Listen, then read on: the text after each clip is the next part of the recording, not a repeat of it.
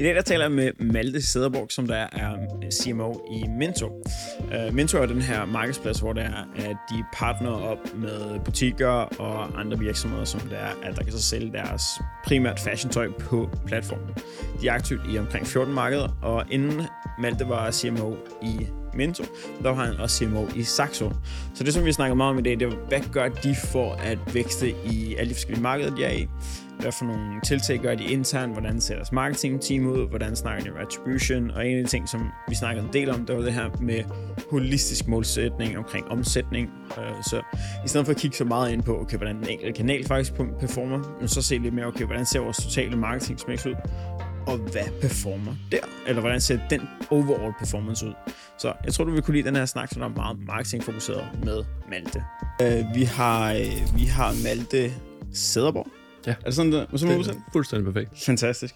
Um, vi har Malte med i dag. Du er CMO i Minto, uh, og tidligere CMO i Saxo. Uh, måske kan du bare lige give en hurtig intro af, hvem du er, og hvad, hvad du laver på en, på en daglig basis. Um. Ja, Jamen, øh, ja, øh, jeg er i dag CMO i, i, i Mentor, og har været der i, i fem år i den her uge. Og øh, udover det, så er jeg 31. Jeg er forlovet med min, øh, min forlovede Sandra, og vi har to drenge, øh, Karl og Axel. Hvor gammel er de? Øh, Karl han bliver snart fire, og Axel er lidt over et år. Ja, så det har været under, under de fem år i, i Mentor, øh, hvilket har været, også været, været fedt. Øh, Spændende. Ja, jeg, har, så, jeg har sat en på 8 og en på 14. Ja. Uh, så jeg kan godt huske de der 1 til 4 uh, lige på samme tid. Den, de, de tilpas fra hinanden til, at det skulle fungere, men de er også tilpas tæt på hinanden til, at det er, det er de sagtens, rigeligt sagtens hårdt. lege sammen. Og... De kan sagtens lege sammen, men det er også rigeligt hårdt, synes jeg. jeg kan huske, for igen, mine to, de er 6 år fra hinanden, og de er, og jeg var med mine søstre, hvor vi 2 år og 3 år fra hinanden. Uh, så det var sådan lidt, vi var, vi var 3, eller vi 5 år. Mm. Og jeg tænker altid tilbage på, hvor, hvor tæt på vi faktisk var fra hinanden, og sådan følte jeg det slet ikke. Jeg følte, jeg var meget ældre end mine to søskende. Ja. Uh, men ja, sådan er det, sådan, sådan er det så meget. Mm. men du siger mig i, uh, i, i Minto, hvad betyder det i Minto? Uh, fordi det kan jo betyde sådan lidt forskellige, uh, forskellige ting forskellige steder, men, men hvilke ansvarsområder uh, har du? Ja, så jeg har et, en, en, marketingafdeling på, vi er omkring 30 nu. Okay og vi har ansvaret for vores salg, øh, GMV, som det hedder på en markedsplads, som vi er. Ja. Øh, nogen vil kalde det en omsætning, hvis man kigger på andre forretninger. Øh, så har vi ansvaret for vores marketingbudget. Så øh, i virkeligheden så har vi sådan lidt det P&L-ansvar, der hedder, vi har en investeringsbase i vores budget til marketing. Den skal så levere en omsætning, og det skal hænge sammen. Det er det, er den, det, er det ansvar, vi har. Øh, og vi har det på tværs af markedet. Så, så vi sidder øh, centraliseret med, med få øh, personer siddende, siddende remote, men ellers så sidder vi på Amager i en gammel chokoladefabrik og, øh, og driver vores 14 markeder. Har I nogen sådan, sådan decideret, der, der er ansvarlige for de individuelle markeder, øh, eller, eller er det mere sådan, sådan specialistbaseret PPC, PPC, social, social, SEO, SEO, eller, eller er det sådan mere opdelt i, i lande, øh, markeder? Ja, det, det har lidt været sådan en, øh, en, en rejse, som vi faktisk er nået til et punkt nu, som, mm. hvor, det, hvor det kommer til at ændre sig lidt, og hvor vi er i gang med at ændre det lidt. Fordi det har været drevet af generalister, ja. fordi vi var en, øh, en mindre virksomhed. Vi var omkring 50, da jeg startede for fem år siden. Og der havde vi brug for, at folk de lidt kunne det hele. Øh, så, så en, der sad i marketing, lavede, lavede shopping, lavede search, lavede display, lavede paid social, lavede remarketing, skulle forstå lidt Google Analytics, skulle forstå lidt affiliate, skulle ligesom omkring alle funktionerne. Og så havde de sådan nogle ansvarsområder omkring markederne. Så vi havde ligesom bygget op omkring, at du havde et ansvar for en, en, en region eller et marked, og så skulle du ligesom tage dig af det hele, ja. for at drive den samlede omsætning. Og det har fungeret rigtig godt op til nu. Øh, men som vi har også tilføjet flere markeder, og især her det sidste halvandet år har tilføjet en, en fordobling af vores markeder, så er vi også nået til et stadie, hvor vi er blevet nødt til at gå over til en mere specialist struktur. Ja. Øh, en, en matrixstruktur, hvor der stadig er nogen, der har sådan et overordnet P&L-ansvar for en region, men ellers er folk, der er de dygtigste inden for SEO, de dygtigste inden for affiliate, de dygtigste inden for remarketing. Og de står så for, for øh, hvis, man en som SEO, står de så for, for alt SEO på tværs af alle markeder, eller er de stadigvæk delt op i Skandinavien, DAC og så videre? Så, så vi er faktisk i gang med at hyre lige præcis den profil, ja. øh, og, og, og der bliver man ansvarlig på tværs af markeder. Meget af det er teknisk. Vi, vi har enormt mange øh, sider. Vi har en halv million produkter. Så, øh, så, så meget af det er teknisk. Det handler om, om, ja. om at forstå, hvordan du bygger en god e-commerce op i forhold til teknisk SEO. Så er der selvfølgelig i forhold til, i forhold til content, men der arbejder vi med, med eksterne partnere i forhold til at, at, at skabe content. Okay. Fordi en af de ting, som, som der sådan går lidt igen, når, når vi ser sådan, sådan succes i udlandet, det, det, det virker til, at dem, som der er, der virkelig sådan, på en eller anden måde får den der lande, øh, landeviden, og den der unikke landeviden, det, det er dem, der ser ud til, at, at det performer bedst. Hvordan fungerer det sådan i, i andre områder af Minto, i forhold til sådan, okay, nu, nu er jeg gået ind i Tyskland, jeg er aktiv der. Hvordan sørger I for, at I, at I slår på alle de der små ting, som der er tysk? Mm. Øh, igen, det kan være PayPal, det kan være, hvordan de har med returns at gøre, og alle, alle de der små ting. Mm. Hvordan sørger I for, at I, I rammer de forskellige markeder? Jamen, jeg, jeg, jeg tror i virkeligheden, det er øh, en, en, sådan en meget... Øh, den fungerer meget godt i den der matrixstruktur, at, at det er noget, som vi er sammen om. Øh, ja. Vi, vi siger ikke, der er én person, der skal vågne op hver morgen og sige, hvordan gør jeg Tyskland til det bedste. Vi har en gruppering af mennesker, der arbejder på forskellige dele. Nogle arbejder på at få trafik ind, nogle arbejder på at få kunder igen, nogle arbejder på at give den bedste kundeoplevelse. Øh, og de sætter sig sammen og fokuserer i det, vi kalder task forces på markederne. Ja. Og sætter sig ned i en periode og siger, lige nu, lad os fokusere på Tyskland. Tyskland er blevet så stort. Hvordan sørger vi for payment options, shipping options, øh, kundeservice, delivery time, alt fra trafik til, øh, til at kunderne kommer igen. Hvordan går vi det igennem? Hvordan analyserer vi det? Hvordan optimerer vi det? Hvordan har I besluttet, hvad for nogle lande at gå ind i? Øh, er, der, er der nogle lande, som jeg er gået ind i, som I troede ville virke, og så, var, så skiftede I faktisk mening bagefter? Eller hvordan, hvordan har det fungeret? Øh, jamen, det, der, der er en tid før mig. Øh, firmaet, firmaet er 13 år gammelt. Øh, jeg har kun været med i fem. Og, øh, og, og, og det har været drevet lidt på forskellige måder. Man kan sige, det startede i Danmark. Og det startede øh, på grund af de, de to venner, Conrad og Mike, der sad og, og, og skabte ideen omkring det, og startede det marked, de nu var i. Øh, at der så kom en investor ombord, som havde viden omkring øh, Norge, gjorde, at man ret naturligt åbnede op i Norge, øh, og så et potentiale det. Og så blev Sverige det næste, meget traditionelt, tage nabolandene og sådan gå den vej. Øh, der kom så en CEO til på et tidspunkt, der, der, der satte en, en retning for Holland, ja. øh, og gik ind i det marked, som også er, er, er vores største marked i dag. Men på det tidspunkt blev det meget drevet af sådan en meget traditionel playbook, marked omkring øh, nogle store markeder, der så kom lidt til og sådan. Det vi har gjort de sidste fem år, det har været øh, demand data. Ja. Øh, så vi tog bare arrangeret alle markeder på baggrund af de produkter, vi har, de brands, vi fører, og så sagde vi, hvor er det største demand? Selvfølgelig tog vi så også den, øh, den sekundære metrics med i, at hvad er konkurrencesituationen, hvad er CPC'erne, øh, hvor mange konkurrenter byder ind i auktionerne, Hvordan? og så brugte vi den til at, til at, at sige, der er selvfølgelig nogle markeder, vi godt ved bliver svære, men, men så må vi tage nogle chancer på det. Hvordan fandt I ud af, hvad, hvad demand var? Hvad, hvad, hvad, hvad de øvelser, I går igennem? Hmm. Jeg tror, rigtig mange, det, vi bliver jo stillet spørgsmål hele tiden, konstant. Kan vi, kan, kan vi ikke bare se, hvad for en land, der er, der er nemmest?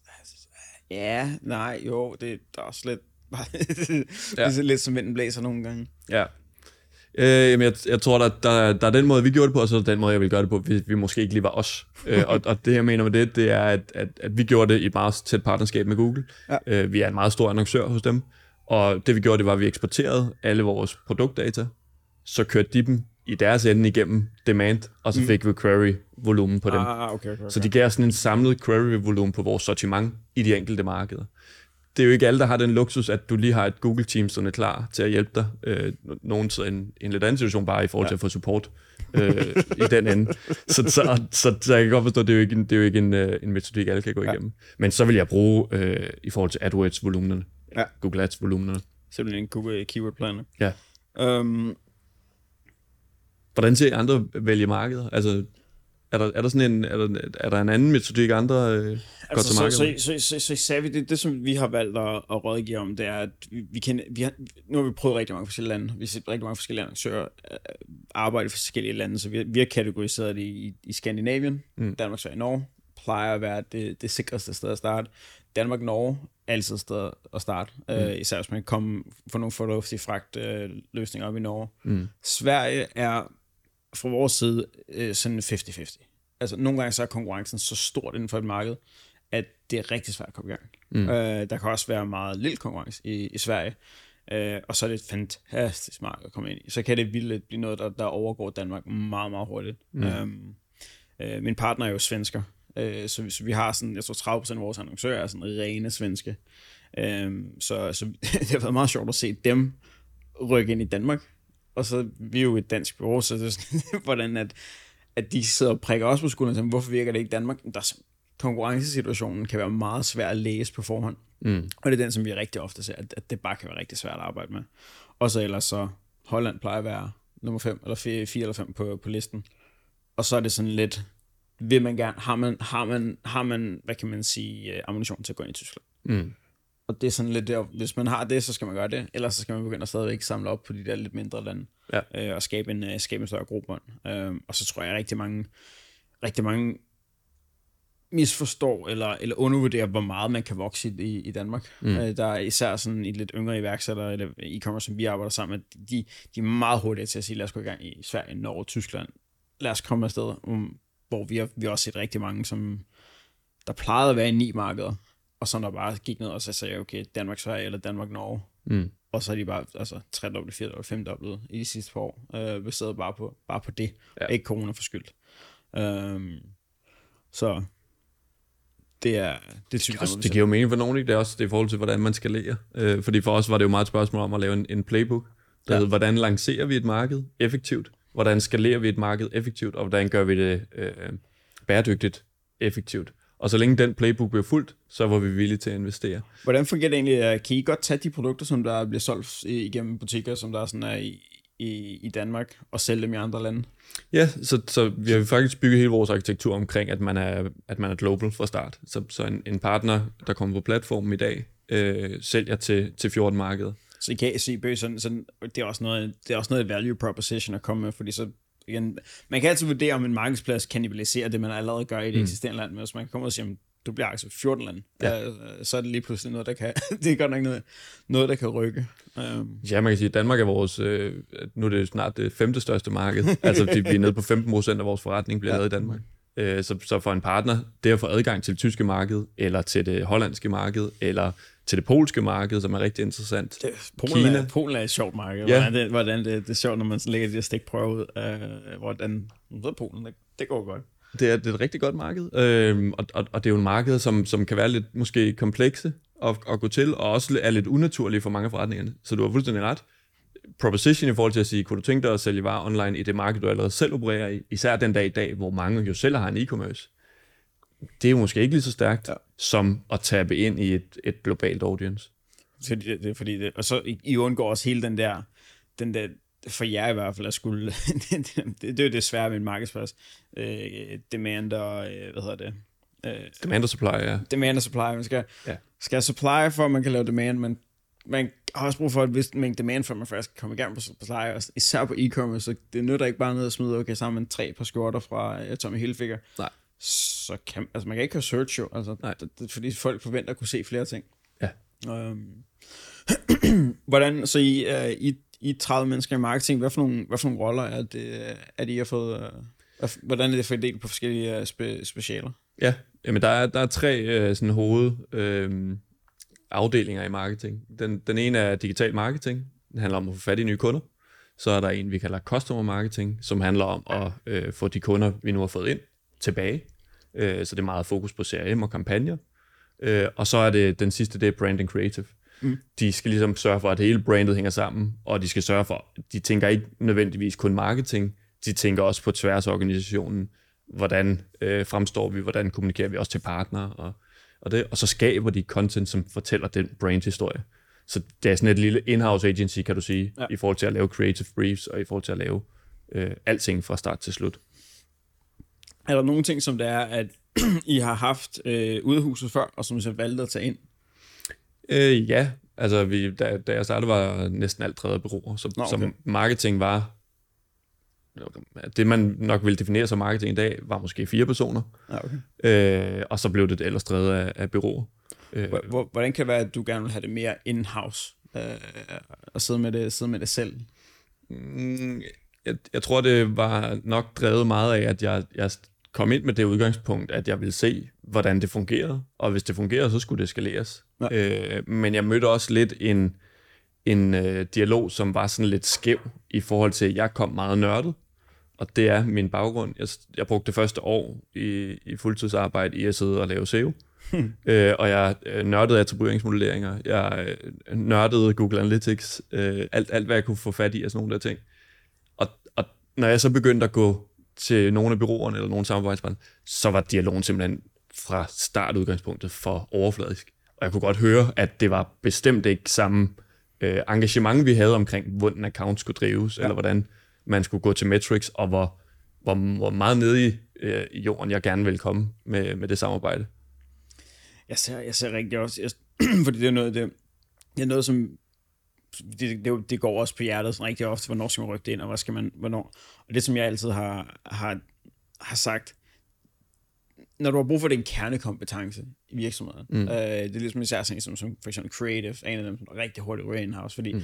at, at, at, styre sin egen brand voice, styre sin egen sådan, sådan creative, det er en af de ting, hvor især sådan direct-to-consumer e-commerce, det var bare, du har brug for selv at eje det. Så kan det godt være, at du kan, du kan få nogle andre til at eksekvere nogle af tingene, men bliver nødt til at eje den del. Og man kan sige, at sådan nogle, sådan nogle som jer, når, man, når jeg kigger på det udefra i hvert fald, øh, marketing er jo en kernekompetence. Altså, det er jo ikke, fordi I udvikler produkter, så jeg har markedspladsen selvfølgelig, men mm. I udvikler ikke produkterne. Der er selvfølgelig en, en kæmpe udvælgelse af at få de rigtige partner ombord med de rigtige produkter, og mm. rigtige demand, men altså rigtig stor del af Mintos kernekompetence er, at I kan sælge ting rentabelt. Uh, og det er jo en kernekompetence, og det er immer væk risikabelt at have kernekompetence og dyrt at have kernekompetence liggende hos uh, byråer. Ja, altså, jeg tror også bare, at den, den, øh, altså, den, den øh, sans for detaljer, den, den tilgang, vi har til at være on top, mm. kan være rigtig svær at have ude af huset. Ja. Altså, der er ikke en dag, hvor vi ikke taler om vores kopier. Og det, og det kan jo godt blive sådan lidt, fordi det er alligevel også mange markeder og mange mennesker. Og sådan. Skal man være så nede i det, eller skal man også give det noget tid? Øh, og skal man agere så kortsigtet på ting? Men det er vores DNA. Altså ikke, ikke at agere kortsigtet på det, men at være on top. Ja. Altså, vi kender vores tal, vi kigger på dem hver dag, og vi, øh, der, der er ikke nogen, der er i tvivl om, om det går godt eller dårligt, om vi skal justere, eller om vi skal, om vi skal presse endnu hårdere på.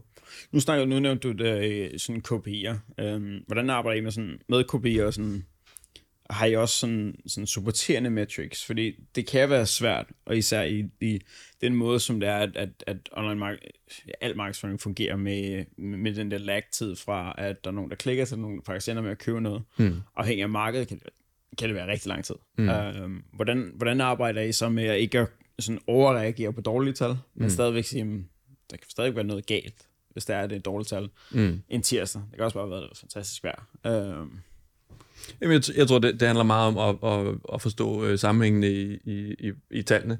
Og, og, og det kan være svært, når du lige kommer ind ad døren, og det kan også være rigtig svært for et, et bureau, der måske ikke sidder på samme måde inde i huset og snakker det, det samme sprog. Øh, fordi vi ved godt påvirkningen af vejret. Vi ved godt påvirkningen af en høj baseline fra sidste år. Ja. Og, og, og vi sammenligner også med nogle ting, som vi ved er sammenlignelige. Øh, så, så derfor for os, der, vi leder altid efter svaret, hvis ikke vi kender det men vi er også villige til at sige, lad os prøve at se, om det sker igen i morgen, inden vi laver en action på det. Ja. Fordi det nytter ikke noget, vi bare skifter retning, bare fordi der lige er en dårlig dag. Det, det, det er der bare nogle gange. Og så... Det er det nemlig, og jeg tror, jeg tror en, en, en rigtig del af det, som vi, som, som vi gør nogle gange, det, det er jo det er bare, det er lige så koldt vand i blodet. Altså, altså, vi er rimelig selvsikre i den måde, som vi gør tingene på, og, og også fordi man kan se på tværs af så mange forskellige kontis. Det mm. lidt mere selvsikkerhed, end, end man bare sidder på, på en enkelt. Mm. Men den er, hvad man kan sige, det, det er sat rigtigt op. Altså, det kan godt være, der, der, det kan godt være, at der, der var røde tal i går, men lad, lad os lige, altså, mm. lad os lade med at ændre noget i det nu. For det er rigtig ofte, så, så især nye folk i online markedsføring, de har en tendens til at, til, til at reagere alt for meget. Mm. Og så ændrer de på noget, der faktisk virker, hvor at man måske bare skulle have nedjusteret en lille smule, og så, just, så huske at justere det op igen, eller nogle andre sådan ting, i stedet for at man kan bare ændre det fuldstændig. Uh, og, og, det har vi set mange gange i morgen. Også dem der, der skifter fra bureau til bureau til bureau. Hvorfor virker det ikke? I dyre end, end jeres forhandlere. Okay. Så, der er nogle basic ting, der gør, at det kommer nok bare aldrig til at fungere lige meget, hvem du vælger. Præcis. Og så er det, det, det er også der, hvor der så kan, der, det er også bare sådan en sådan kernekompetence at vide de ting der, mm. og, som det er, at der bare kræver sig af for, for at og markedsføring til at virke. Vi ser det i højere og højere grad, at når man først får basics på plads, så er det en større en forretningsmæssig udfordring at få ting til at virke. Mm. Uh, jeg, jeg, jeg tror, en, en, en ting, som hvis jeg skulle have sagt en introduktion omkring mig, en, et, et ord, som mange øh, vælger at sætte på mig, det er øh, rolig. altså, og, og det kan man måske også, sådan, når, når vi sidder og snakker, altså det er nok også den måde, jeg sådan, øh, fremstår. Ja. Men en, en, en, en helt klar kompetence, jeg har fået fra min far, af en eller anden årsag, der skal meget til, for at jeg bliver rokket omkring. og det, det afspejler sig også i måden, vi driver det som team. Ja. Øh, og det er nok rigtig, rigtig sundt i samspillet med en, en founder som CEO i dag, i, i Conner, øh, som selvfølgelig har drevet forretningen frem til det, der er det i dag, ved at også at presse på, og ved at hele tiden at knokle, og øh, være villig til at tage nogle chancer, og, og skifte retning, når der var brug for det. Sådan. Der er et godt, øh, en, en god samspiller til det, tror jeg, i forhold til, at jeg, jeg holder rimelig meget hovedet koldt, og, og selvom der måske lige sker et eller andet, så, så bruger jeg lige tiden, der skal til på at finde ud af, hvorfor, inden vi, inden vi tager en øh, beslutning omkring det. Hvad for nogle nøgletal eller KPI kigger du så på, på sådan en daglig, ugenlig, månedlig basis? Øh, jamen, uh, GMV, som, som ligesom er den, den volumen, vi skaber for vores, øh, vores butikpartnere, ja. øh, det, det er den, vi sådan fokuserer på. Så er det øh, profit efter marketing. Ja. Så det, vi ser på, det er den, den take rate, vi har af at drive en markedsplads, og den investering, vi har i marketing. Hvordan ser den ud i de forskellige markeder? Laver vi den profit, vi vil i de modne markeder? Investerer vi det, vi vil i de nye markeder? Øh, og, og det er meget den der sådan lidt P&L i forhold til en toplinje, en bundlinje inden for det marketing nu har kontrol over. Øh, det, er, det er meget det, vi fokuserer på. Og så fokuserer vi meget på øh, at isolere. I, det, det kan blive sådan lidt basic i e-commerce, at man siger, der er trafik, der er en konverteringsrate, der er en average order value, og så bliver det til en omsætning. Øh, men en, en vinkel på det, som hedder nye og returnerende kunder, ja. er et view, som vi bruger meget energi på. Fordi hvis du tager et marked som Norge, hvor vi har været i gang længe, hvor snart 70% af vores kunder er returnerende loyale kunder. Hvis du bliver ved med at have det mindset, at du skal have en ROAS på 500 eller et eller andet, men det giver jo ikke mening. Du har jo så mange loyale kunder. Ja. Dem skal du bare sørge for, at de ligger og er glade, og sørge for, at de kommer igen, og sørge for, at de laver en profit for markedet, i stedet for at investere en total omsætning i et total marketing spend. Så de der isoleringer af kundetyper, dem bruger vi meget energi på. Hvornår, øh, hvornår begyndte I at, at indse, at, at arbejdet på, øh, på nye versus eksisterende kunder var, var noget, der var vigtigt? Øh, jamen, det, det tror jeg, vi gjorde for en fire år siden, vi sådan rigtig begyndte at dykke ned i det. Øh, det, var ikke, det var ikke i virkeligheden et mindset, jeg havde lært i min saxo-tid. Der var det lidt mere overordnet, øh, og, og lidt mere den traditionelle e-commerce framework omkring det, ja. som, som det blev drevet på øh, og som jeg havde været vant til. Men det blev meget vigtigt i en hypergrowth case, som, yes. som vi er. Fordi hvis ikke du har styr på den og isolerer den, så kan det virke som om, du i nogle markeder overinvesterer, men du investerer i en fremtidig værdi af kunder, og i nogle markeder underinvesterer du, men det gør du faktisk ikke, fordi du har en stor base af loyale kunder. Så der skal du sørge for at lave den profit. Og hvis man skal oversætte sådan lidt, så, så, så modne markeder bør have en højere ROAS, ja. end markeder, hvor man er ved at capture øh, flere nye kunder, som der koster flere penge at få ind. Præcis. Øh, konverterer på mindre grad, og der er en større pulje af, af brugere, eller hvis, lad os sige, man ikke konverterer, jo, konverterer jo ikke 99% eller 90% af dem, som besøger, konverterer ikke med sammen. Men der er jo en vis procent af dem, som der vil komme om en måned, eller tre måneder, eller når de har klikket anden, tredje, fjerde, femte eller 20. gang. Mm. Også den der med at pushe den der bølge af fremtidige konverteringer foran sig. Ja. Øhm, så ja, Ja, vi har, vi har sådan et, vi, vi kalder det portfolio approach, og det er, du starter i et launch fase, så går du i early growth, så går du late growth, og så går du mature ja. i markederne.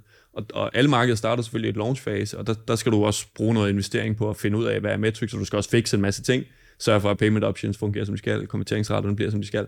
Når du så rykker dem derhen af, så skal de blive mere og mere modne. Ja. Flere og flere returnerende kunder, mere og mere rentable. Ja. Det er godt at investere i de der early growth øh, scenarier, hvor du virkelig kan få dem op og, og flyve. Det var det, Tyskland har været meget for os. Men så skal de altså også flyttes over, så du ja. ikke bliver ved med at investere så tungt. De skal flyttes over i de der mature stadier. Hvornår, hvornår, hvornår ser I, hvornår, øh, hvornår vurderer I, hvor meget, eller hvornår at, at den skal gå fra et stadie til et andet? Hvornår føler I, sådan, sådan, hvis man tager Tyskland som et specifikt eksempel, mm. hvor der er kæmpe forskel på øh, at ramme, lad os bare sige, 20% af ens potentiale i Tyskland versus 20%, 20% af ens potentiale i Holland. Mm. Det, er jo, det er jo næsten, øh, det, er, det er næsten uh, sort eller hvid øh, mm. i forhold til tal, man skal ramme. Så, hvordan ved I, at nu skal den altså rykke fra A til B? I virkeligheden så det handler meget om, øh, om, om, hvor meget vækst vi tror på, der er tilbage, og hvilke vækstrater vi kan generere. Så man kan sige, det, det vi er, det, for eksempel kan man sige, en, en, en regel i et, i et marked kan være, at vi vil have øh, investering på en ny kunde tilbage gange 1,2 inden for et år. Hvis et marked kan vokse 500% og levere den metric, så skal den blive ved med at være i den der early growth stage. Ja. Hvis vi begynder at se, at, at væksten aftager for at respektere de der unit economics, ja. Så flytter vi det videre, og så siger vi, okay, men så er der bare ikke det demand i markedet i forhold til det sortiment, vi har. Så bliver vi nødt til at flytte derover og så lave mere profit i det marked. Arbejder jeg så også noget med at sige, for, for eksempel sådan, sådan early stage, øh, går ud fra meget paid, meget drevet paid, øh, og så så kigger og begynder SEO og generelt følge drift og social og sådan noget, og kigge ind på et senere, øh, på et senere tidspunkt. Ja. Øh, så når I, når I kigger sådan på, på ROAS for et marked, øh, eller på profitten for jeres hen, øh, mm. henblik øh, på et marked, kigger I så øh, totalt set, øh, eller, eller og vurderer I så for eksempel sådan som, som shopping? Og sådan, okay, den må være, den må faktisk godt være lidt negativ, fordi nu, nu, nu, nu er der så meget andet, der bliver hentet ind, så totalt set, der henter vi profitten, eller hvordan arbejder I med de forskellige kanaler på den måde? Øh, jamen i virkeligheden, jeg tror, vi, vi øh, for, et, for, jeg tror det er to år siden, der gik vi lidt væk fra den der med sådan at, at super optimere efter den enkelte kanal. Ja. Altså, det, tracking er sværere. Vi er også nødt til at indse, at, at det er mere et game om at forstå, hvad der rykker den samlede forretning. Ja. En samlet investering, der rykker den, det samlede resultat. Og det er det, der kan blive lidt farligt, når man har specialisterne, der sidder og driver en kanal, og har et ejerskab over nogle metrics, der er dedikeret til den kanal. Og der, for os der er det vigtigt, at man har det mindset, at du har en total investering, som giver mening for det her marked. Prøv at investere i en periode i nogle lower funnel, nogle mid funnel. Se, hvad der sker med den samlede, det samlede output. Ja. Og, og, og selvom det kan være rigtig svært, altså, så er det bare vigtigt, at man hele tiden har det der mindset, at man ikke bare super optimerer en kanal og allokerer alt spændt derover, bare fordi tracking ikke lige viser den anden del af, ja, af, af rejsen. Jeg tror, det, er, det har nok været en af vores, sådan, øh, da, da jeg startede Savvy, der, det første, jeg gerne ville gøre, det ville gerne automatisere shopping. Det var alfa error prone, og, og, og mennesker, der sad og, og ændrede de der produkttyper og produktgrupper, og så videre. Det var bare mm. en person, der kom til at ændre en dengang, ændre en budgivning, så everything else blev, øh, blev aktiveret. Mm. Så, så, var, så alt det, du havde lavet, var helt galt. Øh, mm. Man så det hele tiden. Så det ville jeg gerne automatisere. Det fik vi gjort. Så nummer to projekt, som det var, at, øh, at jeg føler var meget, meget vigtigt for et e-commerce bureau at, at takle, det var attribution. Mm. Øh, for jeg ville ikke have, at vi sad som sådan et, et specialistbureau og lavede den der, altså en hammer ser kun et søm, altså et sted. Mm. Man har brug for at vide, okay, hvor meget kan vi investere i den her kanal. Øh, jeg kan jo jeg, jeg, jeg sad i et halvt år og, og, og rappede omkring, hvordan skal vi øh, det her værktøj, det her værktøj, vi betalte for attribution-værktøjerne for vores kunder, så vi kunne prøve at se, hvad, hvordan dataen så ud og så videre. Og vi mm. kunne næsten lige meget, hvad vi selv gjorde, hvad vores egne øh, kunder prøvede hos andre øh, store byråer, og der kom aldrig sådan et, et klokkeklart svar. Der var altid, der var altid et eller andet, der var forkert. Mm. Og siden da, der har det der er det bare blevet værre. Mm. Altså med, med, med iOS 14, men også med, især med cookie pop-ups. Den, jeg tror, det har været mere interrupting, end, end folk lige tror. Mm. Øh, det der med at tabe data godt nok været meget tab nogle steder. Øh, så det, som vi har i hvert fald arbejdet på de sidste halvandet to år, det er meget holistisk i stedet for. Mm. At sige, okay, okay, den her kanal siger godt nok, at der er 10 gange penge igen, eller to gange penge igen. Men hvordan ser det ud i, i totalen? Mm. begynder virkelig at, at få annoncører over til at, at rapportere total omsætning over. Og hvad gør jeg på alle andre kanaler? Mm. Og så kan vi prøve at presse den og sige, hvad sker der, hvis vi går fra 200 til 300 eller 500 til en million i spænd på Google? Så det kan godt være, at ROAS, når vi så og kigger på det, ser dårligt ud. Men hvordan ser det ud i jeres ende? Når I mm. kigger på jeres, altså der er 5% der går til, går til marketing. Hvordan ser det ud, når vi gør det på vores versus, eller social, eller social kører e-mail leads ind, eller I begynder at aktivere mere på SEO osv. osv., osv. Hvordan ser det ud? Mm. Uh, og det, det er det, vi har set mest ryg. For ellers man bliver, man bliver fanget af, at, at okay, så giver det her 8 gange penge igen, og skal også give 8 gange penge til næste år, og til næste år, og til næste år, og så sidder man der. Hvor, hvor skal man så komme? Mm. Hvad skal man så gøre? Yeah. Uh, Ja, og diminishing kurven, ikke? Så ja. selvom en, en shopping-kanal kan se rigtig fornuftig ud, det betyder ikke, at du kan putte flere penge i den. Det, hvis du putter flere penge i den, så vil den måske bare performe dårligere. Præcis. Så, så, så den kurve der, respektere den, og så sige, jamen vi er også nødt til at allokere til nogle kanaler, der performer dårligere på, på tallene, men du kan ikke skalere dem, der nødvendigvis er de bedste.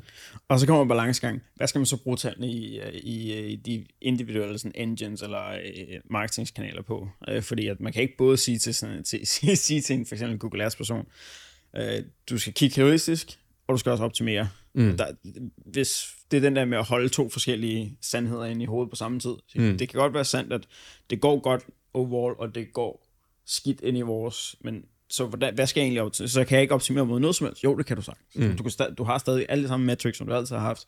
Du har impression share, du har ROAS, du har omsætning, du har konverteringsret, du har mikrokonvertering, du har alle de ting, som du kan arbejde med på. Øh, men du har lige den her i baghovedet om, at hvis det ser rigtig godt ud i din kanal, men totalt set ser skidt ud, så går det måske ikke lige så godt, som du tror. Mm. Eller omvendt. Ja. Ja. Øh, og have den der med, øh, har vi i hvert fald var, har, har virkelig kunnet rykke nogle annoncører, som jeg tror også, der er meget at gøre med, hvilket niveau man er på. Mm. Det er svært at sige til en, der bruger 20, 30, 40.000 om måneden, at sige, nu skal vi bare give den gas og holistisk og Ja, ja og det, det er nemt det med de der stadier, ikke? Altså, ja. der, der, der er det bare noget lidt mere basic, der skal til, og, og du, du er også afhængig af at se dit outcome, før du kan geninvestere, sådan, ikke? Så, så, så det er selvfølgelig nogle meget forskellige problemstillinger, du kan stå i i forhold til, hvad dit spændt er, og hvad, hvad dine ambitioner er. Det, der er vi nået til et stadie, hvor det er rigtig sjovt, fordi når du laver justeringerne, så får du resultaterne, og du har så meget, øh, altså vi har over 10 millioner besøgende på sitet om måneden, ja. så, så der sker bare noget ret hurtigt, ja, øh, og det er også sjovt især i forhold til sådan noget som automatisering, fordi ja. hvis du tager et, et, et, øh, et Google Shopping setup, det reagerer ret hurtigt, når ja. du har de trafikvolumener, og når du har det spændt, så, så kan det ret hurtigt begynde at skabe nogle, nogle effekter. Det er nemlig sjovt. Sådan, sådan, de, de helt store annoncører, som vi arbejder sammen med, ligger sådan i samme lag, hvor sådan, når vi, sådan, nogle af dem, som vi rådgiver i sådan nogle sparringsaftaler, hvor vi siger, okay, de har kørt manuelt budkøbning stadigvæk, vi siger, I skal rykke over til smart bidding. Hvor hurtigt kan vi gøre det? Jeg har nok trafik til så bare gør det nu. Hvor hurtigt kan vi se det? det på dag. Nej, ikke på dag, men det, det er ret hurtigt. Mm. Altså, kan ret hurtigt finde ud af, om det, det virker eller ej. Og, og automatisering, for det er så meget data, så finder mm. det finder jeg også ud af det ret hurtigt. Ja. Um, hvordan, ser en, uh, hvordan, ser en, hvordan ser en god dag ud for dig? Øh, jamen, en, en god dag, altså, det, det tror jeg, vi alle sammen er enige om i, i forretningen. En god dag er, er gode grønne tal. øh, og og, og det, den, den, sætter også den sætter lidt humøret selvfølgelig, så vi også øh, rigtig mange i mit team har været der. Nogle af dem har også været lidt længere, end jeg har. Ja. Og, og, og det er jo den luksus, at når man først har gjort det et par gange, det der med at have nogle dårlige perioder, eller haft nogle år, hvor det har været lidt svært med en anden baseline fra sidste år, sådan, så vender man sig lidt mere til det og får lidt mere hård hud og, og ved godt, at det, at, at det hele går ikke ned ad bakke, bare fordi der er en enkelt dal, der ikke lige er, er grøn op på tavlen. Øh, men der er helt klart sådan en, en, altså gode tal, hvor vi ved, vi er on track, hvor vi ved, vi kan holde fast ved planen, den, øh, den kan noget, og så især, hvor man så kan bygge oven på det. Ja. Altså, så har man muligheden og overskuddet for ligesom at tilføje nogle, nogle nye tests, eller nogle, øh, nogle nye idéer, øh, bruge noget energi på at planlægge lidt, øh, lidt længere frem i tiden. Det, det er for mig meget den gode dag. Har I nogle udfordringer med, med at folk bliver for, bliver for de, de, de føler for meget, at deres eget selvværd er, er associeret til de tal, der er? Altså, en grøn dag er, er så, så, så er der high five, så glad, god stemning næste sæson, det er sommer øh, mm. på kontoret. Røde tal, så, så mukker folk lidt mere, og sådan tænker, ah, jeg, måske er jeg ikke så god, som jeg faktisk troede, jeg var. selvfølgelig, selvfølgelig kan der være det, øh, og, og det er jo også et, et element, som vi, vi taler meget åbent om, at, at ja, du kan tage ejerskab på dine kanaler og på dine markeder. Øh, men hvis det går dårligt, så er vi sammen om det. Altså, der kan være mange ting, der påvirker, at et marked har det svært. Det kan være, at sortimentet i den periode ikke er stærkt nok til at drive den vækst, vi gerne vil. Ja. Øh, så, så vi gør meget ud af også at sådan ligesom bryde den ned og sige, det er forskellige, øh, forskellige situationer, de forskellige markeder og forskellige roller sidder i. Og det betyder ikke, at du gør det dårligt, bare fordi den lige er rød i dit område. Og så, så arbejder vi sammen om at komme hen i et, et grønt øh, punkt igen. Men, ja. men det er helt klart, altså, jeg vil sige, især folk, der måske, hvor det er det første job, eller sådan, øh, virkelig har mange, mange visioner for deres område, der, der kan man godt mærke, at det påvirker dem mere. Ja. Men så prøver vi at bryde de barriere lidt ned, og så sige, det er altså okay, og det er også fedt, når, når det går godt, lad os fejre det, men lad os også bare lade være med at være, være trist over, at der lige er nogle hårde perioder. Jeg tror, det er sådan, sådan, jeg tror, jeg sådan fodboldspiller, eller, der, der, eller, eller kendt, eller eller andet, der snakker meget om det der med, at, at man skal ikke tro hypen. Altså, man er aldrig lige så god som alle andre rundt, og siger man er, men man er heller ikke lige så dårlig som alle andre rundt, og siger man mm. er, når det går, når det går dårligt. Så, øh, men, det var, men det er virkelig en, en balancegang, fordi, som du siger, man kan godt have, at folk tager ejerskab, men altså, der, der er røde tal. Der er altid røde tal på et eller andet tidspunkt. Mm. Øh, så, så det betyder ikke, at man gør noget forkert. Det er altså, man stole processen lidt. Altså, altså, hvis man gør tingene rigtigt, og de underliggende tal er rigtige, og det mm. er i den rigtige uh, retning, øh, så, okay, så, må, så er der røde tal engang. Ja, altså, jeg tror også, vi sætter os, øh, vi sætter os øh, ambitionerne og målsætningerne efter det. Fordi jeg ansatte en for, for fire år siden til det svenske marked, og til samtalerne med en, så sagde jeg, at du kommer nok til at have de første ni måneder, hvor tallene er røde. Sådan er det, og, og du skal være klar på det, og, og hellere forberede dig på det, end ja. at du kommer ind og tror, at de bliver grønne. Ja. Fordi det, det, lige nu har markedet det hårdt, og vi har lige nogle ting, vi skal have fikset, og du skal bare gøre dit aller, allerbedste. Budgetterne er sat efter det, og det kan være lidt underligt for nogen, at man laver et budget, som måske ikke har høj vækst i en forretning som vores, men det handler også om ligesom at være legnet omkring, hvad er målsætninger og hvad er realistisk. Øh, fordi så er det også bare sjovere at overperforme på et, et budget, som selvom måske ikke har den høje vækst indlagt, så, ja. kan, vi, så kan vi pikke det op igen, når vi, når vi performer på det. Hvad, ser, hvad, hvad er nogle af de, de største udfordringer i, i Mentor i dag? Øh, jamen det er det, det høn og ægget i en markedsplads, ikke? at du, ja. du skal lære hurtigt i forhold til at få nye kunder ind, du skal lære hurtigt i forhold til at få nye partnere ind, men det skal hele tiden følges ad. Det nytter ikke noget, at vi får alt for mange partnere ind på én gang, og det nytter ikke noget, at vi får de forkerte partnere ind, fordi så får de en dårlig oplevelse, de får ikke nok omsætning, de kannibaliserer på den omsætning, der findes i dag. Ja, hvordan arbejder I egentlig med det? Fordi at, at hvordan... For det er en af de ting, som, som når, når, jeg ser, når jeg ser jer, og jeg tænker sådan... For vi har jo arbejdet med andre markedspladser på tværs af hele Europa, og, og den der kannibalisering har jeg altså følt svært, fordi mm. så, så, er der, så er der en... Så, så det er selvfølgelig vigtigt med så meget, en, så meget sådan quote unquote, på det lager, som overhovedet muligt. Mm. Øh, men hvordan sørge for, at hvis man, igen, så helt lavpris kører du så som t-shirt, mm. øh, at, at man ikke bare flytter omsætningen fra den ene partner til den anden partner øh, konstant. Og hvordan arbejder I også med sådan, når, når ting går out of stock, for det må jeg formode, det, det sker måske lidt, det har I lidt mindre kontrol over end, øh, end, end alle andre. Bestemt. Um. Bestemt. Altså, det, vi arbejder meget tæt sammen med vores partner, og, og hele fundamentet i at være markedsplads er, at du skal kunne bruge dataen i det. Ja. Og, og dataen bliver brugt til at samarbejde med partnerne og sige, jamen kommer du til at være et godt match med det, den type kunder, vi har, og det demand, vi har, hvis vi allerede fra start af ved, at det bliver ikke et særligt godt match, du, du sælger primært badeshorts med, med, med trekantmønster, og det har vi bare ikke kunderne til, så siger vi det upfront. Ja. Så er der ikke nogen grund til at prøve, fordi det, det bliver aldrig rigtig godt, og vi kommer til at bruge noget energi på begge sider, på at lave noget, der ikke, der ikke kommer til at flyve. Samtidig så det, de partner, vi har på platformen, dem giver vi information omkring, hvad fungerer, hvad burde du øh, gøre mere af, hvad kunne du måske prøve, som du ikke har prøvet før, men som vi kan se, at andre øh, lidt eller lookalikes ja. i forhold til vores partner performer rigtig godt på. Betyder det, betyder det sådan helt konkret, at sådan, sådan, hvis, okay, hvis, man, hvis man ved, at det her brand performer rigtig godt, så siger man, det, har du mulighed, altså, har du mulighed for at komme mere ind af det her brand, øh, eller sætte mere af det her brand på platformen? Ja, Altså, ja, så vi deler data også sådan meget granulært i forhold til, hvad din butik er, fordi det nytter ikke noget, hvis du driver en forretning øh, primært med herretøj, at vi så siger, jamen vi sælger rigtig meget dametøj. Jamen, altså, det er måske så ikke lige det segment, du har tænkt dig at være i, og ja. vi skal jo ikke bare lave alle butikker ens. Ja. Tværtimod, så vil vi gerne have den diversitet. Det, det, det, det er vigtigt, at de er diverse, og der kommer nye ben at stå på, fordi kommer der også mere af det samme, så i hvert fald fra et search-perspektiv, så, så, så er det jo det der med, at man, man vil gerne have flere, altså man vil gerne brede sig ud. Desto mere man får bredt sig ud i et nyt brand, nyt kategori, nyt marked, ja. så, så er der flere ben at stå på. Så er der mere demand, så er ja. der mere search. Det er også det, er det, der gør os unikke, fordi som, som koncept for en, for en slutbrugers synspunkt, vi er ikke det samme som en øh, Farfetch, eller en Zalando, eller en Boost, eller en hvad end der er i de forskellige markeder af konkurrenter. Fordi de er meget drevet i siloer de platforme. De er drevet efter, at de kun til gode ser et luksussegment, eller kun et mainstream-segment. Hvor det vi gør, det er, at vi siger, jamen kunderne handler ikke i siloer. Kunderne handler hos Farfetch og hos Boost og hos Zalando. Jamen, hvorfor så ikke være den platform, der faktisk har sortimentet på tværs? Øh, ikke at vi bare skal have alting, fordi det er også det, det er en svær platform at drive, men hvordan sørger vi for, at det kunderne gerne vil have, er det, vi har på hylderne? Det, det, det er meget det, vi fokuserer på. Og derfor har vi brug for, at butikkerne er forskellige og har et forskelligt indkøbsmønster og arbejder forskelligt. Så det er meget den der med at give data, men sørge for, at det er meget tilpasset til den enkelte butik. Og sige, for dig vil det nok give mening at købe mere af det her brand, eller at gå ind i det her brand og snakke med dem. Er det jer, der står? Er det, er det marketing, der står for det, eller er det et, et partnerskab med, med, med salg?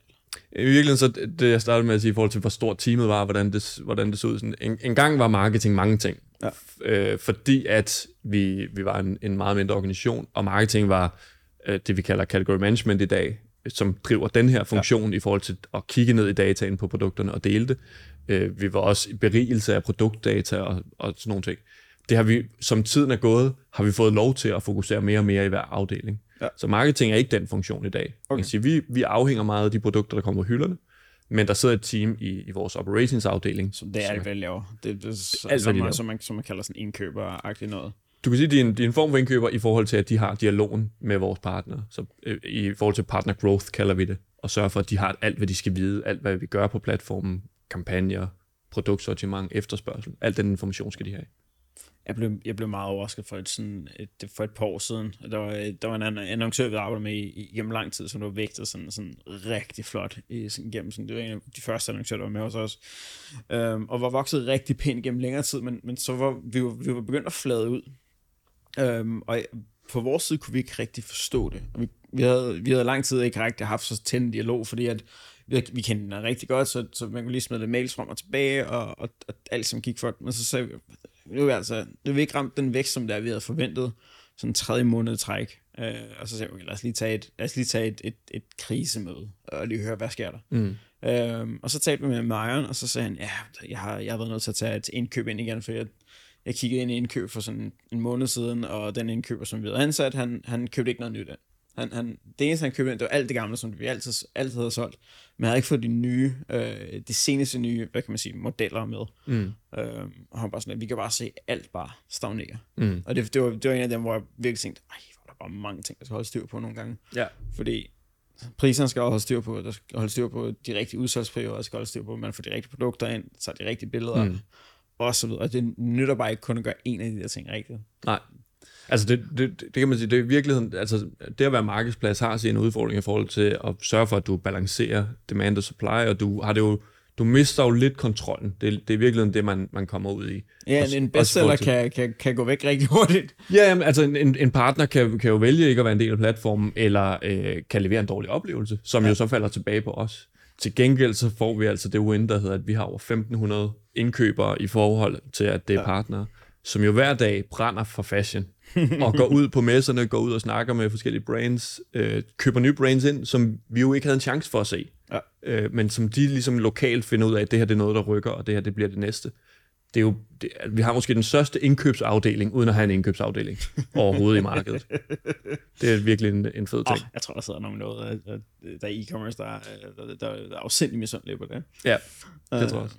Hvad tror du så, der, der kommer til at ske i e-commerce? Hvad tror du, der er de, sådan, de største ting, der kommer til at ændre sig over de næste, sige, jeg er svært, jeg har altid svært at sige fem år. Fem mm. år, altså, du startede mm. mindst for fem år siden. Mm. Og jeg ser, hvor meget der ændrer sig siden. Det er altid svært ved sådan at gætte fem år til men lad os bare mm. sige tre, ud, tre år ud i tiden. Ja. Hvad tror du, der kommer til at være mere vigtigt? Øh, jamen, der, der, er, der er et helt klart mønster nu, som bliver kommunikeret i de fleste, i de fleste kanaler.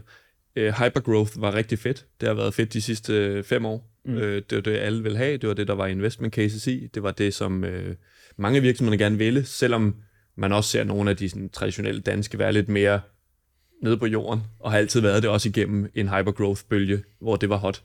Øh, men der er helt klart sket et skift nu. Altså, alle vil se, investorer vil se, øh, forretningen skal drives efter, og have en klar retning i forhold til at blive øh, bæredygtig. Ja. Du, skal, du skal have en rejse, hvor at, jamen, du kan godt investere, så længe du har styr på dine metrics, så skal du investere, men du skal vide, hvordan du vender det til en rigtig god forretning over tid. Det nytter ikke noget at bygge et netværk af 10.000 cykelbud op, der leverer mad til din dør. Hvis du ikke kan få de unit economics til at virke, ja. så nytter det ikke noget at blive ved med at skalere det. Du bliver nødt til at finde ud af, hvordan du gør det her til en forretning, der faktisk kan, kan bære. Så det, der, der, kommer til, der kommer til at være et stort skift, og mange kommer til at skulle justere deres budgetter, kommer til at skulle justere deres strategier, efter det. Øh, og jeg tror, hvis ikke man formår at rykke rigtig hurtigt på det skift, der er sket herover, især det sidste, ikke engang de sidste år, måske de sidste seks måneder, ja. hvis ikke man rykker rigtig hurtigt, så er der nogen, der brænder nalderne rigtig hårdt. Enig. Helt, helt enig. Jeg tror, der er, der, altså, man, man kan jo se, nu, nu optager vi her øh, 27. april, um, der er nogen, der allerede arbejder allerede på det. Mm. Øh, øh, rigtig, rigtig. Og det gik rigtig hurtigt for nogle af dem. Um, Ja, for der, der er bare et skift, ikke? Altså, der er en ny, en ny normal, en ny baseline i e-commerce. Der har været nogle, nogle år med nogle lidt unaturlige efterspørgselskurver, øh, som nogen har bygget deres strategier op omkring. Og, og det skal vi heller ikke se os fri for, at vi, vi blev også grebet af, at det gik rigtig godt, og der var, der var høj fart på demand i forskellige markeder. Det er bare vigtigt, at man så også er villig til at sige, lige så snart man kan se sine tal, at man bliver nødt til at justere, ja. så skal man justere i stedet for at hænge i. Ja, den er, den er svær. Den er, fordi man, man altså, som, øh, altså, folk, som vi har set, de der næsten alle har bare prøvet at hænge i. Mm. Øh, og, og, vi kan også bare se over hele linjen, at det, at, at de stoppede. Mm. Mange, nogen stoppede rigtig hurtigt, nogen tog lidt længere tid. Nogle, og det, det var som også, man havde, man havde sådan nogle krampetrækninger i, uh, i, i, omkring Black Friday, at man lige fik klippet sig op på sådan samme tal som sidste år, eller måske endda 10-30% over, og så tænker, uff, det, det går stadig ikke fint. Altså julemåneden var stadig ikke fint, og så, så i januar, ah, det var måske ikke helt lige så god, og der, der, var, sådan, der var sådan lidt krampetrækninger nogle gange, hvor, ah, ja, måske, måske ikke, men så det, februar gør bare, de, de fleste sagde, nu stopper Mm. Nu, står, nu stopper lejen. Ja. Nu, nu, nu, nu er der et nyt normalt. Der er også der er bare mange indikationer i, at, at den vækst, man har været vant til, og den markedsvækst, man altid har sammenlignet som jeg har sagt, vi vokser hurtigere end markedet. Altså lige nu falder markedet for e-commerce i et kvartal øh, i, i Q1. Det er en ny normal. Altså, det, det, det er der nogen, der skal vende sig til, at, at du skal faktisk kæmpe rigtig meget for din vækst nu. Det er ikke, det er ikke naturligt, at du bare organisk får, får vækst ind i forretningen. Og vi har også set nogle eksempler. Øh, det, det er i større grad nogen, der har rækket ud til os i hvert fald over de sidste seks måneder, hvor det er, at, at de sådan, har været meget selvagente og været sådan, vi troede, vi var fanskale. Mm. Vi, vi troede, at, at, at de her to-tre kanaler, eller den her ene kanal, at det var fordi, vi var rigtig dygtige, eller vi havde de helt rigtige produkter. Mm. Og det har de bare, det har de bare sådan, nogle af dem har været hurtige til at indse, at vi var ikke lige så gode, som vi troede, vi var. Mm. Det var, det, vi redde en bølge. Mm. Øh, og nogle af dem der, som der så selv fire år gamle e-commerce, hvor man siger, okay, det første år, det er altid sådan lidt halvsvært, og, og så et andet år får man lidt, lidt, lidt vækst på, og så i 2020, så rammer corona, så er der vækst på. 2021, også vækst på. Så lige pludselig, så, så, så kan man se selv dem, der har været fire, fire år gamle, som man må sige, det er ikke helt nye længere. Mm. De har næsten kun prøvet en vækstrejse, der hed andet år var fantastisk, for der havde man lige fået styr på det, mm. og de andre to år var corona. Så, så har man aldrig sådan prøvet at se, hvad sker der, når det ikke virker. Mm. Og det kan være svært på, især hvis man har givet nogle omsætninger, øh, nogle, øh, nogle udgifter til det. Mm. Ja, jeg, jeg tror, hvis man også skal sige, hvad, hvad kommer der til at ske forhåbentlig de næste tre år i forhold til sådan marketingdelen i e-commerce, øh, jeg håber folk får rigtig godt styr på de korrelationer. Ja. Fordi hvis du bare bliver ved med at putte flere marketingkroner ind i dit budget og prøve at presse over, men du ikke ser den korrelation med dine resultater, så kommer du til at brænde tør, øh, eller løbe tør for, for, øh, for budget. Og, og den, den, det ejerskab har jeg ikke set så mange nødvendigvis har taget endnu, og sige, jamen marketingbudget er et marketingbudget, men det er det jo kun, hvis det leverer nogle resultater. Ja. Ellers så burde det marketingbudget slet ikke være der, Præcis. hvis ikke det kan levere nogle resultater. Præcis. Hvordan ser I, øh, hvordan, hvordan, øh, sådan nysgerrig, hvordan I navigerer imellem øh, top funnel øh, aktiviteter versus middle og, og bottom funnel? Hvis vi, mm. hvis vi kalder search bottom, mm. næsten middle funnel, afhængig af søgningen. Mm. Men hvordan, hvordan navigerer I det leje? Øh? Øh, jamen, altså, øh, vi har ikke den højeste awareness i vores marked. Øh, det er der nogle andre spillere, der har brugt rigtig meget øh, budget på at, at skabe inden for mm. fashion-kategorien. Øh, og der er nogle ting, vi tester af i forhold til det, og især i mid-funnel, som vi kalder det. Og især ja. i forhold til sådan, prospecting, og i forhold til paid social, og i forhold til øh, search, også som en kanal og affiliate og sådan. Øh, men vi er meget afhængige af lower funnel. Det giver rigtig god mening i en markedsplads som os, hvor Fordi vi jo har produkter. Bredt ud. Ja, og, altså, ja. Og, og, og vi skal næsten helst have kunderne ind på en produktside, ja. fordi det er der, hvor der er et godt match. Det er sværere på en markedsplads at bare starte på forsiden af Amazon og sige, hvad skal jeg købe i dag? Eller, eller lave en rigtig god kategorioplevelse. Altså, det er svært. Det, altså, altså, især hvis der kommer lige pludselig, kan man se, okay, hvis man laver en kategorioplevelse, så lige pludselig i morgen kommer der 1000 eller 3000 eller 5000 nye produkter til den kategoriside. Hvordan, ja. hvordan skal de lige ligge der? Hvordan skal det sorteres? Præcis. Øh, og, og især fordi som markedsplads har man ikke luksusen af dybden. Det er ja. meget det. Altså dem, dem, der har formået at blive gode på den helt upper funnel, det er fordi, de har dybden ja. og et snævert sortiment, hvor du kan skabe den der gode oplevelse af at gå ind på forsiden, navigere en kategori. På grund af alle datapunkterne på kategorien, så vil du begynde at lave en rigtig god rangering, som gør den, gør den relevant. Som markedsplads har du rigtig mange varer, og du har ikke særlig meget dybde. Det vil sige, når vi først har datapunkter nok til at lave en rigtig god rangering, så bliver produktet udsolgt. og vi får det nok aldrig igen. altså, alle, alle, alle e-commerce, der sidder og lytter, så lytter misundeligt til, det, det, vil sige, lige den der, der skal ikke være misundeligt. Alle Nej. de markedspladser, vi arbejder med, er også bare den der. Der får man rigtig gang, altså, virkelig indse det der med, at, at, at når, når noget går udsolgt, så er det for sent. Mm. Altså, fordi det, det, det, altså, når noget går udsolgt på en markedsplads, så skal man næsten, altså, man skal næsten være 10, 20, 30 afhængig af, hvad produktet er på lager før, så skal man faktisk begynde at, taper off, så skal man begynde at stoppe med annoncering på det. Mm. Øh, sådan så at, at, okay, det kommer til, der kommer nogle eksisterende kunder og køber det, der kommer noget e-mail og køber det, der kommer noget SEO og køber det. Ja. Øh, så man ikke bare brænder ud til en eller anden der ROAS, eller fornuftig ROAS, når ja, man kunne have fået og sørge for, at man har nok af de gode varer til sine returnerende kunder. Ja. Fordi ellers, hvis du hele tiden bare bliver ved med at brage igennem i kanaler, hvor du hiver nye kunder ind på dine bedste produkter, men så får alle dine returnerende kunder en dårlig oplevelse, og så bliver det aldrig en profitabel forretning, du driver. Så du skal hele tiden sørge for, at der er en ret stor del af dit sortiment, der matcher alle de kunder, der kommer ind og prøver at købe igen. Øh, så de ikke bare kommer ind til sådan et tomt sortiment og siger, at alt det fede er blevet taget i går af de, af de nye kunder. den balance, den er... Den lyder svær. Det har faktisk ikke, den havde jeg ikke hørt før. Den er, den, den, jeg, jeg synes også, det er, det er noget af det sværeste i sådan en forretning som vores. Ja. Øh, og, og, og noget, man skal respektere ret meget. Vi arbejder meget, meget, selvfølgelig med demand data, men ekstremt meget med supply dataen. Ja. Fordi vi er så afhængige af det supply, og, og det er jo lidt ud af vores hænder, selvom vi arbejder rigtig tæt sammen med vores partnere. Hvis vi gør det rigtig godt i marketing, jamen så kommer vi faktisk til at sælge for mange varer. Og hvis vi sælger for mange varer, så er der ikke nok varer til næste måned, og til de nye returnerende kunder. Og så rører, og så rører, altså, igen, så, så bliver det næsten, jeg hører det som sådan, sådan, øh, sådan en øh, sådan negativ spiral, fordi så har I, så har I købt det salg for dyrt, hvilket gik ud over profitten. Ja. Og så den profit, som I har fået på returnerende kunder, som der er højere end ja. nye eller et aggressivt køb. Ja. ja. Jamen altså, en, en, en returnerende kunde koster kun en tredjedel, af, og, og det, det er vores data. Så er der nogle andre, der har nogle andre ude i markedet. Og sådan. Hos os, der koster en returnerende kunde under en tredjedel af en, øh, en ny kunde, i forhold til at få dem til at lave et køb. Og, og det er bare sjovere, at det er dine returnerende kunder, som får en god oplevelse, og som kommer igen, og som bliver ved med at blive mere og mere rentable, end at du hele tiden bare brager din investering igennem på at sælge alle varerne til nye kunder. Øh, har, har, I, har I delt budgettet op i nye kunder og eksisterende kunder? Ja, altså vores budget er bygget helt op omkring, hvor mange nye kunder får vi ind i forretningen, hvad er den kak, det vi kommer til at kræve, og dermed det marketingbudget, der skal bruges på at få nye kunder ind. Ja. Hvor mange returnerende kunder ved vi så, der kommer? Der er en helt klart korrelation imellem, hvor mange nye kunder og hvor mange returnerende kunder. Ja. Så vi kan sådan ret let budgettere alt efter, jamen, hvad er indtægget, og hvor aggressiv vil vi være? Er der så nok til returnerende kunder? Hvad er omkostningen på returnerende kunder? Så alt, vi har alle de budgetlinjer, der hedder, hvor mange nye kunder, hvor meget investering, hvor mange returnerende kunder, hvor meget investering totalt. Gør I noget i for eksempel i Google eller, eller paid social med at differentiere jeres marketingsbudget på nye og eksisterende kunder? Ja, i, i, i noget omfang, men man kan sige, at i virkeligheden så er det, det er faktisk lidt mere kanalopsplittet, fordi man kan sige, at rigtig mange af vores returnerende kunder, de kommer direkte, ja. eller de kommer fra nogle reaktiveringskampagner i paid social, eller de kommer fra e-mails. Ja.